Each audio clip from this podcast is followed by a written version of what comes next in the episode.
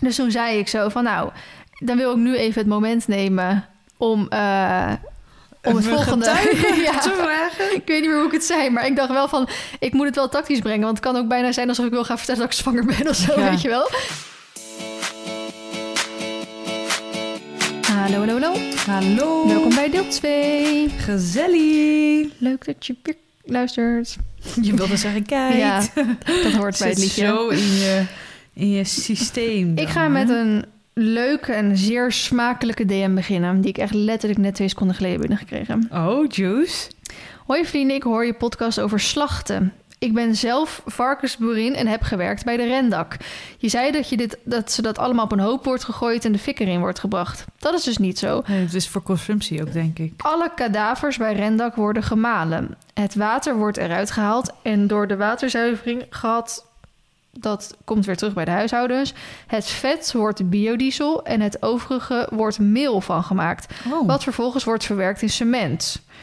Tevens wordt het bloed van de slachterijen verwerkt in kunstmest en de veren van kippenslachterijen verwerkt in dierenvoeder. Dat de fik erin gaat is absoluut niet waar en doet de rendak dus aan hergebruik. Er wordt nooit iets verbrand bij de rendak, al denkt iedereen van wel. Interessant en erg smakelijk op de vroege ochtend. Het zijn wel dingen die je eigenlijk niet weet anders. ik dacht inderdaad op de fik erin, maar dan moet je dus wel bedenken als je je paard dus naar de slag brengt, of het niet naar de slag brengt, maar door de rendak laat ophalen. Ja, is het dus eigenlijk wel semi-goed voor het milieu. Ja, maar dan moet je dus wel, dan komt hij dus wel in cement terecht. Ja, maar dat- wordt wel hergebruikt. Ja, absoluut. Ik ben ook helemaal voorstander. Maar als, dan is het wel handig om misschien te weten dat dat gebeurt met je paard. Als jij dus denkt, hij, wil, hij wordt gewoon op een grote hoop verbrand, gecremeerd. Misschien wil je dat liever dan dat hij wordt hergebruikt. En dan Dan het wordt gecremeerd, moet ik nog steeds, sorry voor het omspringen aan een gecremeerde kroket denken. ja, het spijt me hoe Rachel genoemd werd. Echt, als je het woord gecremeerd noemt, dan moet ik daar gewoon aan Ja, denken. gecremeerde kroket. Ja, was een leuke, was een leuk moment toen. Ja, was leuk, was fun. was leuk. Dus dat. Ja, heb jij een struggle, anekdote of irritation? Ehm, nou, ik had natuurlijk eigenlijk alweer van alles in mijn eerste Ja, we hebben echt veel kruid verschoten in de eerste. Ja, het is echt heel erg zonde. hè? Dus ik laat jou even eerst. Oh, oké. Nou, ik heb wel een leuke. Oh, juice. Nee. Nog meer juice. Jij denkt alles de juice is. Ehm, ik had, we hebben het natuurlijk eerder gehad over eh, nou, het trouwen en de bruiloft. En dat de Mhm. getuigen en zo erbij moesten ki- komen kijken. En jij had nog toen gevraagd, nou heb je ze al gevraagd? Mhm. Nee, had ik nog niet. Nu heb ik de eerste heb ik gevraagd.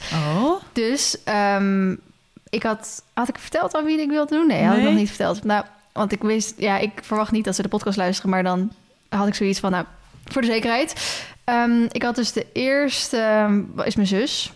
ah. Dus ik had eh, vorige week was met voor mijn moeders verjaardag was iedereen hier zo. En gingen we, we hadden nog niet echt een middagprogramma, want mijn moeder wilde dus met z'n allen gaan lunchen. Dus ik dacht, nou misschien leuk om dan een wandeling te doen nog. Mhm. Alleen mijn moeder is niet heel erg van het wandelen, dus dan zegt ze altijd van, nou dan blijf ik wel thuis, weet je wel zo. Dat ik denk, nee man, ga nou gezellig mee wandelen. Dus ik dacht, als we nou gaan lunchen bij dat restaurant naast de plek waar wij willen trouwen, want om die plek heen zit ook een soort hele kleine minuscule wandelroute. Dus dan kunnen we daar gaan wandelen. Oh, zo cute. Dus dan kan ik ze alvast de locatie laten zien. Want het was ook hartstikke mooi weer en zo. Dus ik dacht, nou, helemaal leuk. Dus ik, ehm, ik had dus daar heen, heen gebracht. En dan gingen we wandelen. Nou, iedereen vond het helemaal mooi. En je hebt daar dus een levensboom. ja, ja, ja, die echt- heb je, heb je Ja. laten zien aan mij tenminste. Ja, Ja, in dat filmpje inderdaad. Dus ik dacht, het is wel leuk om... Want mijn moeder had nog, toen we hier waren, gevraagd van... heb je Jamie al gevraagd? Dus ik zo, nee. En toen dacht ik, oh ja, kut, ik moet dat wel een keer gaan doen. En toen dacht ik, oh, misschien is dat dan nu wel een mooi moment voor. Dus wij gingen zo wandelen en er was niks gaande bij dat landhuis op dat moment. Kijk, als er een andere bruiloft of een Ja, ander feest was, dan kan je er wat anders. moeilijk daar Ja. even inlopen. Dus wij gingen daar zo wandelen. En ik zei van, nou, dan wil ik jullie wel die levensboom laten zien. Nou, toen waren we daar. En iedereen is natuurlijk helemaal verbaasd. En mijn vader helemaal, oh, dit heb ik echt nog nooit gezien. En wat gaaf. En het, was, het is ook echt gewoon best wel heel erg cool natuurlijk. Dus toen zei ik zo van, nou, dan wil ik nu even het moment nemen om... eh, om het volgende ja, te vragen. ik weet niet meer hoe ik het zei, maar ik dacht wel van, ik moet het wel tactisch brengen, want het kan ook bijna zijn alsof ik wil gaan vertellen dat ik zwanger ben of zo, Ja. weet je wel. Nu wil ik dit moment nemen om te vertellen dat ik zwanger ben. Nee, ehm, dus ik zei, nou, ik wil dit moment eh, nemen om dan ehm, eh, te vragen of eh, Jamie, eh, of jij getuige wil zijn. Nou, en toen, en ik overview haar heel erg ermee. Ze zat gewoon zo'n beetje van die levensboom zo om zich heen te kijken. dus ze kijkt mij zo aan toen ik zeg, nou, ik wil ik dit moment graag nemen. En ze, je zag haar blik gewoon in één keer van, oh, wat? dus toen ging ze gelijk knuffelen en toen moest ze huilen en toen was helemaal cute en zo. Wat dus het was, het leuk. was wel echt een heel leuk moment, weet je wel. Dat je er echt een beetje een momentje oh, van maakt. bijzonder. Schattig. Dus de eerste die is gevraagd. Leuk. Maar ik heb op zich nog alle tijd voor de tweede, maar... en Sjoerd? Eh, die heeft ook nog niemand gevraagd. Maar die gaat wel eh, precies dezelfde zeg maar, mensen vragen als hoe ik ze ga vragen. Ja. Daar ga ik niet meer over.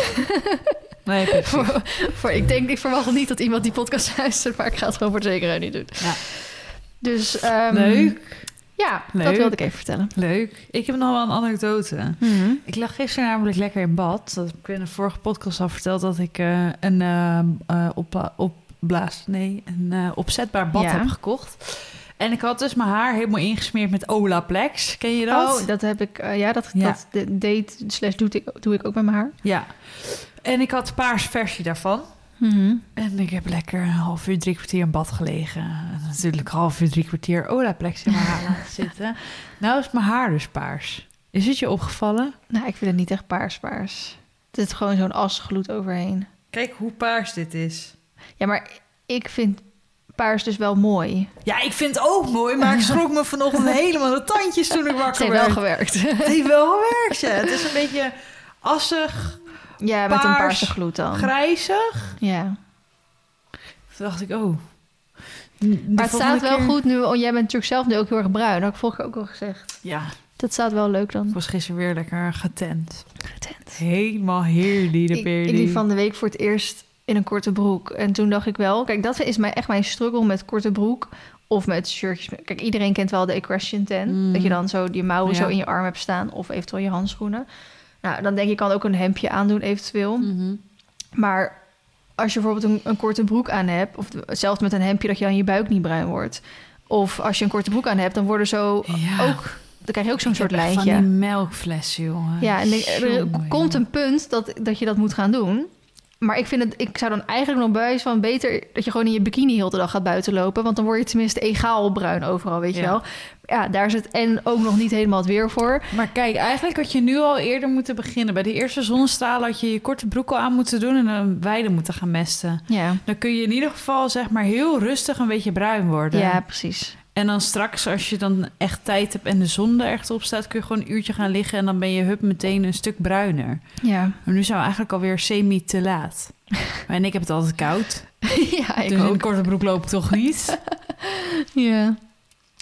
Lastig, hè? ja, ook al merk ik wel als ik een korte broek aan heb en dan bijvoorbeeld zoiets als een blouseje of zo aan de Mhm. bovenkant, dan is het ook al beter te doen. Ja, oké. En een korte broek en een kort shirtje, dat is wel koud vaak. Ja, Maar als je dan gewoon je armen en je schouders bedekt hebt, dan hou je daar de warmte wat Ja. meer vast. ja. Anyway, ik had nog een nieuwtje. Na ruim zeven weken overdracht... een gezond veulen geboren van Fro- Florida T.N. keer Spielberg. Heel bijzonder. Is dat bijzonder, ja? Ja, zeven weken Ja, ik heb- overdracht. Dat is mega lang. Ja. Ja, joh. Ik heb geen idee, want God. we hadden, ik had gisteren bij, was ik bij Sterren en die van haar heeft vier weken overgedragen en eh Ax was toen ook vier weken over en ik weet dat die van Jasmijn ook altijd vier weken over is. Die En- van Jasmijn was ook nu laat, toch? Ja, maar die is altijd laat. Die weet ze gewoon, die is altijd een maand later. En ehm, dat Sterren gisteren ook zei dat er eentje acht weken had gedragen. Misschien Die- bedoelt ze deze dan met zeven? Nee, ze had het over acht. En ik- Acht weken? Ja. Holy moly. ja. Nou, ik vind dat dus echt bizar. Bij mensen mag je dus maximaal twee weken overdragen. Wist je dat? Nee, dan wordt het opgewekt, toch? Ja. Ja. Wordt het bij paard ook opgewekt dan? Of Nou, dat weet ik dus niet, hoe dat dan zit. Want ze zijn dus wel tegenwoordig bezig dat je ook een keizersnede bij paarden kan doen. dat is helemaal nieuwe technologie. Ja. Eh fijne weet ik er ook niet vanaf, laat ik dat voorop stellen. Maar het komt, eh, het komt wel vaak voor dat ze twee of drie weken overdragen. Maar zeven? Ja, dat is echt... Dat is mega lang. Ja. Dat is wel bizar. Dat is gewoon dik anderhalve maand. En dan, zoals bij Jasmijn had ik dat ook gelezen... dat hij dan vrij had genomen en zo. Ja. En dat het veulen maar niet kwam. Ja, Zit je dan met je goede gedrag? ja want die was ook niet hier bij YouTube Week, ja. Nee. Ja, kwam dat veulen gewoon nog een week later. Ja. Wij hadden dat dus... eh, wij hebben de afgelopen, dit seizoen ook twee veulens gekregen. En ehm, die bonte... Die, eh, we wilden dus de veulens aan huis hebben bij Esmee, zeg maar. Om daar de, of de, de merries aan huis hebben bij Esmee. Mhm. Zodat ze daar rustig konden bevallen. En zodat we daar camera's en zo hadden. Maar in één keer, die bonte, die is dus gewoon in de wei bevallen. Zonder dat wij het wisten.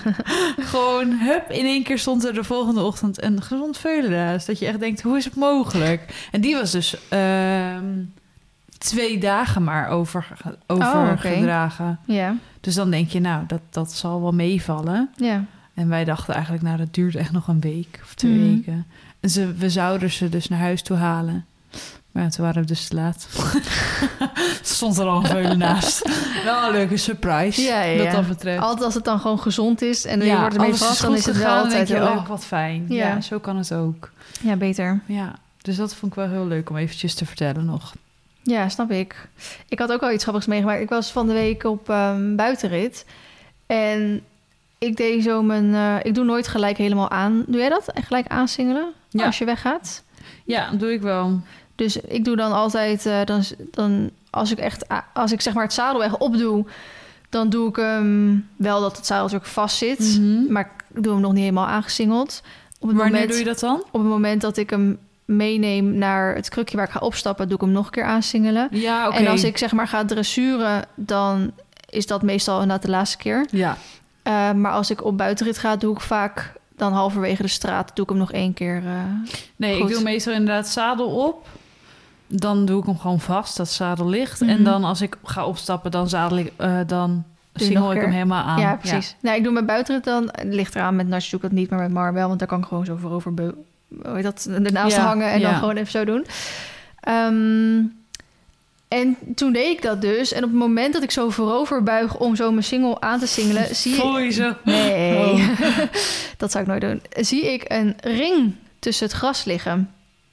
Een gouden ring tussen het gras. Dus het was echt super toevallig dat ik precies zo op dat moment... want anders Ja. zag je dat echt niet.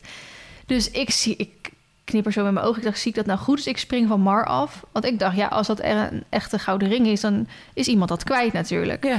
Dus ik spring er vanaf en ik pak zo die gouden ring. En het was... ehm, ja, hij, was, hij, zat zo'n zat zo'n stempelding op. Hier, ik heb een Zo'n foto van gemaakt. zegelring? Ja. Kijk, met zo'n, eh, echt met zo'n wapen erop. Oh. Dus ik eh, zeg zo tegen Sjoerd van... eh, kijk wat ik gevonden heb. Ja. En toen zei ik van, ja, wat moet ik daar nou mee of zo? En toen zei ik zo voor de grap van... ja, of ik rijd ermee naar een goudsmid, weet je dan ga ik hem verpatsen zo voor de grap. Toen zei hij ook van, eh, nou ja, als hij van iemand is... en daar zit waarschijnlijk waarde aan... dan eh, zou die diegene natuurlijk wel terug willen. Toen zei ik, ja, tuurlijk, was maar een grapje. Dus toen dacht ik echt van, oh, maar wat moet ik hier nou mee? Want ik, ja, er loopt, wandelen hier ook best wel vaak mensen. Ja, heel veel, ja. Moet ik dan een berichtje, weet ik veel, op Facebook gaan zetten? Maar ik ken helemaal niet veel mensen hier in de buurt, weet je wel. Dus Nee, dan... en heel veel mensen die ook niet in de buurt wonen, die wandelen hier misschien ook Ja, wel veel, precies. denk ik. Als in, maar het, is wel misschien... een, eh, een, een, een, een, een dorpje waar, wat natuurlijk aan de Veluwe ligt en waar, Ja. waarbij je heel mooi kan wandelen. Ja. Dus ik dacht ook van, het is wel natuurlijk een, een wapen dan. Ja. Dus misschien ken- herkent iemand het wapen of zo. Dus toen eh, nou, dacht ik, nou, voordat ik er eh, iets mee zeg maar, aan de grote klok ga doen... stuur ik het gewoon eerst even in de groepsapp van onze straat. Mhm. Van, eh, is deze, nou, ik heb deze ring gevonden, is die van iemand hier? Of herkent anders iemand het wapen? Of weet iemand anders waar ik hem dan het beste naartoe kan brengen? Ik weet niet of er misschien hier zo'n gevonden voorwerpenpunt is of zo. Geen idee. Ehm, en toen eh, zei gelukkig dus een buurvrouw van... oh, volgens mij is die van eh, die en die buurvrouw. En toen zei zij inderdaad van... oh, die is inderdaad van mij. Dat was dus letterlijk... ik vond hem tegenover haar huis. dus het was ook... Dus ze, ze zegt zo... te- ik zeg zo, ja, nou, ik ben nog thuis, je kan komen ophalen. Dus ze zegt zo toen ze hier kwam... ze van, ik vind dit zo raar... want ik had nog niet eens door dat ik hem kwijt was. Terwijl hoe die erbij lag... helemaal een beetje beschadigd en onder het gras... dacht ik, die ligt daar al een tijdje... Dus ze zegt zo van, ja, jij appte zo van, is iemand een ring kwijt? En ik keek zo naar mijn handen en ik dacht, verrek, ik ben inderdaad een ring kwijt. Dus ze, ze was helemaal eh, een soort van flabbergasted, van soort van in shock dat ze niet Ja. wist wat ze moest zeggen. Want ze zegt van, ik wist nog niet dat ik hem kwijt was. Maar ik ben zo intens dankbaar dat je hem gevonden hebt. Want het was inderdaad haar, de trouwring van haar overgrootoma of zoiets, weet je wel. Zo. Dus echt met heel veel... Ja. O- ik weet niet of het heel veel financiële waarde heeft... maar in ieder geval heel veel emotionele waarde. Dus ze was helemaal blij dat hij gevonden was en zo. Dus nu heb ik allemaal weer karma pinkjes in de buurt gekregen natuurlijk. Wat bizar, dus, eh, ja, en dus ik zeg ook nou heel toevallig gevonden. Want hij lag tussen het hoge gras daar zo. En dan niet aan haar kant van, nee, het- van, van de, weg. weg. zeg maar, maar aan de andere kant van de weg. Dus Heel ook best wel raar dat hij daar ligt. Want Ja. zij heeft soort van in theorie daar natuurlijk niks te zoeken... om dat bijvoorbeeld eh, iets in de tuin te doen of zo... dat je hem dan verliest. In de tuin Kikkers tegenkomt. dus dus eh, nou, ze was in ieder geval helemaal blij. Eh, wel Tjo. mooi, ring, maar eh, wel cool. Een zegelring. Ja, Cool om te hebben als je dat Mooi, zo ja. hebt inderdaad. jeetje. Ja. Ehm, Heb je nog meer? ja, nog één dingetje op de... ehm, ik ben hem aan het laden, hoor. Op de horses.nl gezien. Namelijk een officiële waarschuwing voor, eh, van de FAI voor Oliver Townend en uitschakeling in badminton. De Britse eventingruiter Oliver heeft van de FAI een waarschuwing gekregen tijdens de badminton horse trails afgelopen weekend. De ruiter was met shallow bij hindernis 24 aangekomen toen de cross tijdelijk was, tijdelijk was stilgelegd. Bij de herstart werd, door een paar, eh, eh, werd, hij, werd het paar door officials uit de strijd genomen nadat het paard een flink aantal hindernissen niet fijn had gesprongen. Ehm, Oliver stond na de dressuur nog op een derde plaats. Het is niet de eerste keer dat de nummer 4 van de wereldranglijst door de FAI gewaarschuwd wordt. Oliver kreeg in 2018 ook in badminton en later dat jaar op de Blair Castle International Horse Trails een officiële waarschuwing voor overmatig zweepgebruik. Nu werd de Brit uit de man. wedstrijd gehaald door officials omdat het paard niet goed ge- genoeg meer oogde. Swallow Springs had al eh, op de combinatie hindernis 13 A, B, C, D slecht gesprongen, kwam bijna niet over de enorme tafel van 19B en leek zijn Waterloo te vinden op de watercombinatie 22. Toch reed eh, Oliver door tot aan hindernis 24 en mocht niet meer verder van de officials. Omdat de tijdsduur tussen de eventing records warnings te lang is, dus niet binnen 24 maanden, komt eh, Oliver met een mondelinge berisping vanaf. Oké. Ik vind dat dan best wel een dingetje. Dan denk ik, heb je dus dit al vaker gehad? En lees je dus al dat zo'n paard al vanaf hindernis 13B ah, of 13 ABCD niet lekker over de hindernis komt. Mhm. Wordt er dan pas op 24 uitgehaald. Wat ik natuurlijk heel erg goed vind dat zo'n Ja. paard en eh, ruiter er gewoon uitgehaald worden. En dat ehm, dus zo'n FAI zegt van... joh, tot hier en niet verder. Dat, Mhm. Daar ben ik echt helemaal voorstander van. Maar dat ik dus denk van... als ruiter heb je dus nog 10 hindernissen daartussendoor gehad. Eigenlijk misschien wel meer, want het zijn vaak ook lijntjes met ABC of Mhm. AB. En wil je dus per se door? En dan moet ik altijd weer denken dat er dus heel veel ruiters nog steeds echt voor de sport rijden. En niet voor, Ja. ehm, hoe zou ik dat zeggen? Voor het plezier en het dierenwelzijn. ja. Dat je dus gewoon merkt dat de sport voorop komt. En dan pas, hoe kom ik met mijn paard over de eh, finish heen? Ja. Dat vind ik soms wel een beetje schande. Ja. Ja, want er wordt natuurlijk vaak gezegd dat het, het paard kiest niet voor de sport. Nou, ik denk dat het paard het vaak wel heel erg leuk vindt. Ja, Ehm, maar de ruiter die wil die sport beoefenen en die heeft een paard daarvoor nodig. ja, eens. Ehm, en nu gezegd, zegt gelukkig iedereen wel dat je natuurlijk echt een team met zo'n paard moet zijn voordat je überhaupt zoiets aan kan. Ja, Ehm, maar er zullen inderdaad altijd toch tussen zitten die, ja, waar dat anders bij gaat. Ja. Ja, en dan vind ik het wel goed dat er dus zo'n FEI is om dan te zeggen, joh, eruit. Ja, heel goed dat ze er dan uithalen. Ja. Ja, dus dat, eh, dus dat had ik gelezen en toen dacht ik, oh, poeh. Poeh. Ja, poeh. En jij, heb jij nog eh, nieuwtjes? Nou, ik zat net even te scrollen, maar ik kom niet echt eh, heel veel boeiende dingen tegen eigenlijk. Is het een beetje rustig geweest de afgelopen tijd? Of? Ja, ik denk het. kan me niet herinneren dat ik echt iets voorbij heb zien komen van ik dacht, hé, hey, dat is... Nou ja, wat ik zei, we hebben best wel wat dingetjes besproken in de eerste podcast... die ik eigenlijk voor de tweede had staan. Ja, en we zijn dus vergeten om een eh, dingetje op onze Ja. stories te zetten. Is er een iets waar we het over willen hebben, een onderwerp? Nou, behalve waar we het net met Idroes en Irino misschien over hadden. Maar Ja, ik denk dat dat al wel zo'n mooi onderwerpje weer was. eigenlijk hadden we die even in de... Ja, hadden we moeten doen. achteraf, achteraf is mooi we hebben er ook allebei totaal niet over nagedacht Nee, deze maar keer. deze keer was ook wel een beetje sneller achter elkaar dan we normaal gewend ja, zijn. dat is... Normaal nemen we pas op vrijdag op, maar Anne Ja. die gaat morgen op ponykamp. Ah, Dus die, ehm, ehm, ja, als begeleider zeg maar van haar stal, Ja. waar zij eh, verzorgbaarheid heeft. ik heb nog wel wat. Oh. Ehm, Hoefon is gratis. Oh ja. Nu, nu we dit opnemen ook al.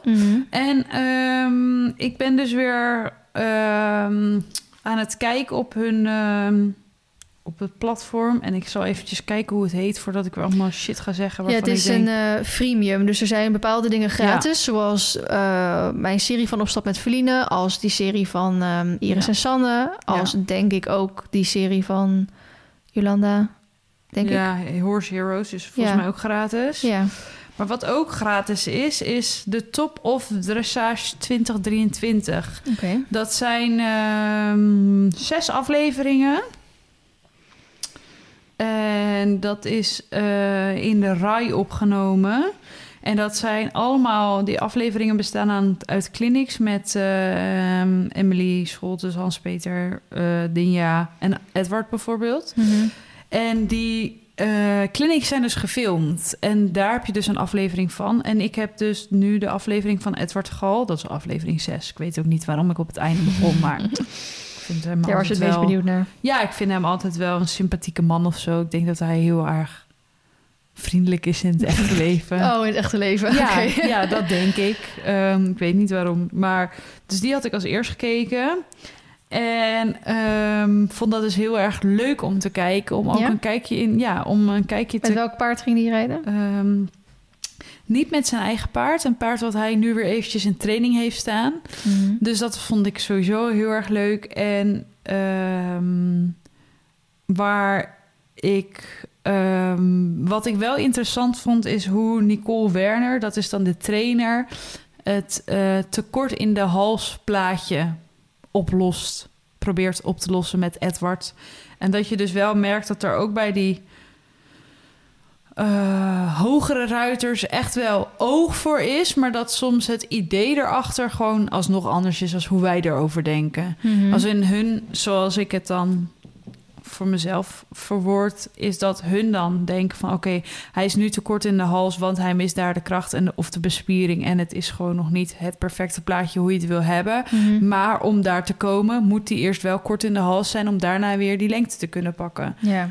Dus ehm, het is toch een andere manier van trainen. Mhm. Maar ik vond het wel ontzettend interessant om een keer in mee te kijken. Want ja, hoe vaak gebeurt dat nou? Dat je Ja. zulke ja, trainingen precies. in kan kijken en Mhm. kan zien hoe zo iemand dan lest en hoe dat dan in zijn werk gaat. Mhm. Dus eh aanradertje eigenlijk als je je verveelt. Sowieso de Hoefon-serie met, eh, met jou kun je natuurlijk kijken. Maar ook als je een beetje dressuurfanaat bent. Ik vond dat wel eh, interessant. Ja, zeker. Is wel leuk, al aangezien het zeker nu gratis is om het Ja. te gaan kijken. Ja. Ik heb hier ook nog wel iets. Aantal koninkpaarden in Oostvaardersplassen eindelijk op peil. Oh, In de Oostvaardersplassen is het aantal edelherten na jaren op een gewenst niveau. Ook zijn er volgens Staatsbosbeheer op dit moment niet meer te veel koninkpaarden en hekrunderen in het natuurgebied tussen Almere en Lelystad. Dat schrijft NOS.nl op haar website. Er leven nu 1100 grote grazers in het gebied, zo'n 500 edelherten en in totaal ongeveer 600 koninkpaarden en hekrunderen. De afgelopen jaren leidden de leefomstandigheden van grote grazers in de Oostvaardersplassen regelmatig tot ophef. Omdat er te veel dieren in het gebied waren, was er niet genoeg eten en overleefden sommige dieren de winter niet. Een verbod op, om de dieren bij te voeren leidde tot felle protesten van dierenactivisten. Volgens Staatsbosbeheer kan er vanaf nu, in tegenstelling tot de afgelopen jaren, ieder jaar regulier beheer uitgevoerd worden op de aantallen grote grazers. Net zoals dat in andere Nederlandse natuurgebieden gebeurt, zonder de afschot op grotere schaal van de eh, op grote schaal van de afgelopen jaren in het gebied. De koninkpaarden zijn deels naar andere gebieden verhuisd, onder andere naar Texel, Spanje en Wit-Rusland. Ook is een deel van de paarden geslacht. Wow. Ja, daar zijn ook weer allemaal dingen van te zeggen natuurlijk. Maar... Ja. En ik heb hier ook nog wel eentje. De FI bespreekt verhoging van minimumleeftijd voor internationale endurance paarden. Oké.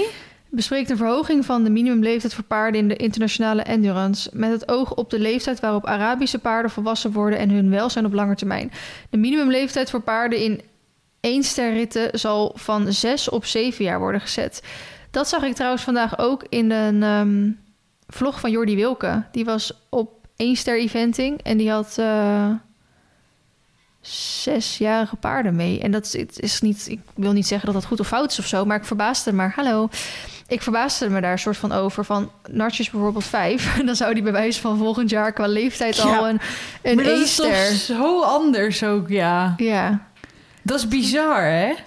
ja, daar Die denk je nooit Want één ster, hoeveel, hoe hoog is dat? E-ster staat volgens mij gelijk aan M, toch? M-niveau? Ja, ik heb geen idee. Ik zou Ik het echt niet wel. weten. Nou, een M is 1,20. Ja, Tussen de 1,20 en de 1,30 hindernissen. ja, zoiets. Nou, dan dit soort breedte qua tafels. Want ik weet wel, qua dressuur is het volgens mij toch dat je in de B moet die 4 zijn. Of mag die, nee, in de B mag die al 3 zijn. Drie, denk ik. 4L, 5M, 6Z. Volgens mij is dat een beetje de regel. Ja, volgens mij zit het wel aan het jaar... En dat eh, vond ik al vrij heftig om een zesjarige al een zetproef te laten lopen. Ehm, maar als je dan bekijkt zet dressuur, zou dat dan ook zet springen mogen zijn? Want dan als een zesjarige M-event, als één ster en dat gelijk staat aan eh, M-eventing. Het klinkt gewoon heel heftig, één ster Ja, met een zesjarige. ja. Maar ik vind het verschil tussen dressuur en springen... Kijk, als zo'n paard op zesjarige le- als zo'n paard op driejarige leeftijd keuring heeft gelopen... en hij is dan al helemaal, zeg maar, eh, in een goede balans en loopt gewoon... Ja, maar dat is toch al, dat, dat, alleen dat is toch al niet goed? Dat hij op drie jaar, dan moet hij, is hij met 2,5 al ingereden. Ja, maar hoe vaak gebeurt dat nog? Ja, dat weet ik, maar Dus even ervan uitgaande dat hij de keuring heeft gelopen... dan heb je dus nog drie jaar om te treden naar het set. Als je echt zo'n goed gefokte dressuurpaard hebt... ja, dan is dat eigenlijk easy peasy lemon squeezy. Ik snap het, alleen qua lichamelijk is dat natuurlijk niet goed voor een Ja. paard. Daar, dat terzijde. Ja, maar ik snap dus dat er prima paarden zijn... Ja, die op... Dat, is- een beetje mijn... ja, ja ehm, ik snap wat je bedoelt. Als je, eh, als je gewoon een goede ruiter hebt en een paard die die aanleg heeft, dan loopt hij in theorie. En je kan vaak ook Ja. al die klasses overslaan. Ja, en- ja hoeft vaak de zijn 10 dat... in een eh, en de L en ja, zo. ik wou zeggen. En ook al, dus dan hoeft hij misschien... eh, weet ik veel, is hij drie keer op wedstrijd geweest... en dan loopt hij de vierde keer een zetproef. Mhm. Ik noem maar wat. Ja, ja, je hebt best wel vaak die hun eerste of tweede proef al gelijk set is. Ja, dat, Van, eh, dat kan. Zijn vandaag in het set gestart. Is pas de tweede proef ooit. Je denkt, wow. Ja. Oké. Wij moeten gewoon in de BB beginnen. dus dat Ja. verschilt natuurlijk ook. Maar dan is het verschil tussen... Ik vind dan eventing is echt heel intens. Hè? Dan heb Ja, je en dressuur, precies. en springen, en crossen. Ja. En dan heb je dit wel... Dit is dan denk ik wel zo'n wedstrijd dat je drie daags concours hebt. Maar je hebt natuurlijk ook wel eens op Twee één dag. Volgens mij is één ster nog op... Nee, sterren is nooit op één dag, volgens mij. Ehm, nationale dingen zijn wel eens op één dag, maar internationaal is nooit op één dag. Is vaak twee dagen dan. En een enkele keer drie dagen. Dus dan heb je op één dag eh, dressuur... en op één dag springen en eventen. Nee, nee, nee, nee, nee. Dressuur en springen is altijd op dezelfde dag dan. Ja? Als het op, ja, ja, ja. Ja, want ze moeten voor eventing natuurlijk gewoon... Ja, weet ik eigenlijk niet, want anders is het om drie dagen inderdaad. Volgens mij is springen en dressuur vaak op dezelfde dag. Ja. Hm. Ja, dat weet ik vrij zeker. Pittig. Maar bijna altijd is het... Het kan ook wel eens volgens mij zijn dat dressuur en crossen op dezelfde dag is. En dan springen de dag erna. Ja, dat zou ook nog wel eens kunnen. dat kan ook nog inderdaad. maar het is ook, meestal is het vrijdag dressuur, zaterdag cross, zondag springen. Ja, klopt. Daarom. Ja, maar het is ook wel eens op zaterdag ook dressuur. En het is ook wel eens op donderdag dressuur, weet je wel. En dan, nou, we weten er ook niet zo vanaf. Maar in ieder geval, eh, veel van de Arabische paarden die in de endurance sport overheersen... zijn op zesjarige leeftijd nog niet fysiek volwassen.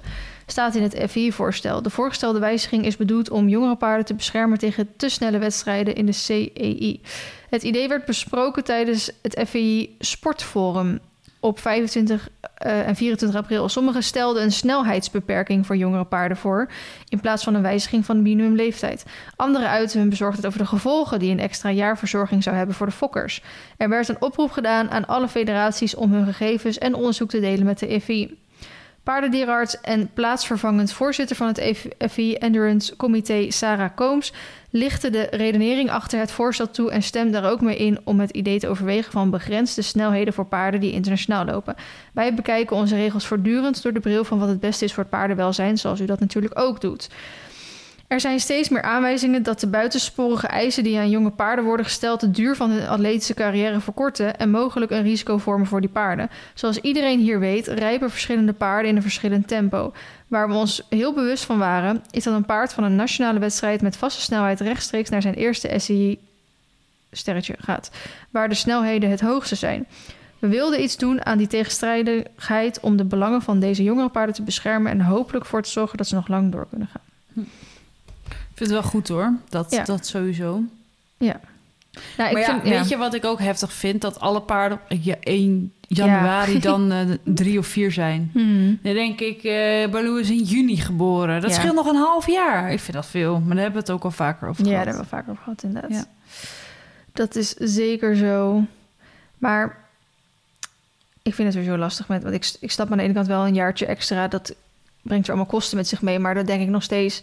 Het is de mens die ermee wil sporten. En als dat paard dan op die leeftijd eventueel laat zien dat hij het wel kan... maar dat betekent, hè, wat ze ook zeggen, kortere levensduur... dat ze dan op eerdere leeftijd al versleten of oud... of eh, blessures of zo krijgen... Ja, dat is natuurlijk altijd lastig. Ja. Dan kan hij het nu wel heel erg goed doen. Maar als dat betekent dat hij op latere leeftijd al sneller ergens last van heeft, ja, dan had je liever wat rustiger aangedaan. ja, Dat vind ik altijd zo lastig. ehm, hoe dat is, maar dat is ook vaak achteraf zo. Ja, precies. Dus dat, ja, dat maakt het nog lastiger. Eigenlijk ehm, zou je een soort wetenschappelijk onderzoek moeten doen met paarden die inderdaad op een x, op wel- op welke leeftijd zijn ingereden en op welke leeftijd dan op een gegeven moment Klachten krijgen. klaar, klachten krijgen inderdaad. Of Ja. daar een rode draad in zit. Hetzelfde met, oh, even terugkomend op het onderwerp van vorige keer... paarden die alleen op de wei staan... eh, versus paarden die samen op de wei staan met andere Ja. paarden. Van hoeveel, Hoeveel blessures zijn bless- er? blessures zijn nou echt te wijden aan dat ze met andere paarden staan? Ja, eens. Want als dat echt een minuscuul percentage is, dan is het... Weet je wel? Ja, dan is het, ja... Waar doe je het dan voor? Ja, inderdaad. Oké, nou de rest... eh, sorry, we gaan volgende keer zullen we ons weer even wat beter voorbereiden. Ja, ik denk dat het zo rommelig is soms ook wel eventjes leuk. En het werkt gewoon averechts dat wij elkaar zondag gezien hebben al. Ja. We zijn al een hele middag samen geweest en we hebben al lekker Het is gehouden. ook nooit goed. Als we elkaar buiten de podcast niet zien, is het niet goed. Als we elkaar Maar wel... we mogen eigenlijk gewoon niet over podcastdingen praten dan. Maar ja, als je dan vraagt hoe is het? Ja, dan begint het hele riedeltje alweer. Ja, dat is... Dus dat maakt het lastig. Ja, dat is zeker zo. Maar goed, we zullen weer wat leuke onderwerpjes voor de volgende podcast verzinnen. Dat gaan we doen. En dan eh, zien en spreken wij jullie Ja. in de volgende weer. Bedankt voor het luisteren. Tot de volgende keer.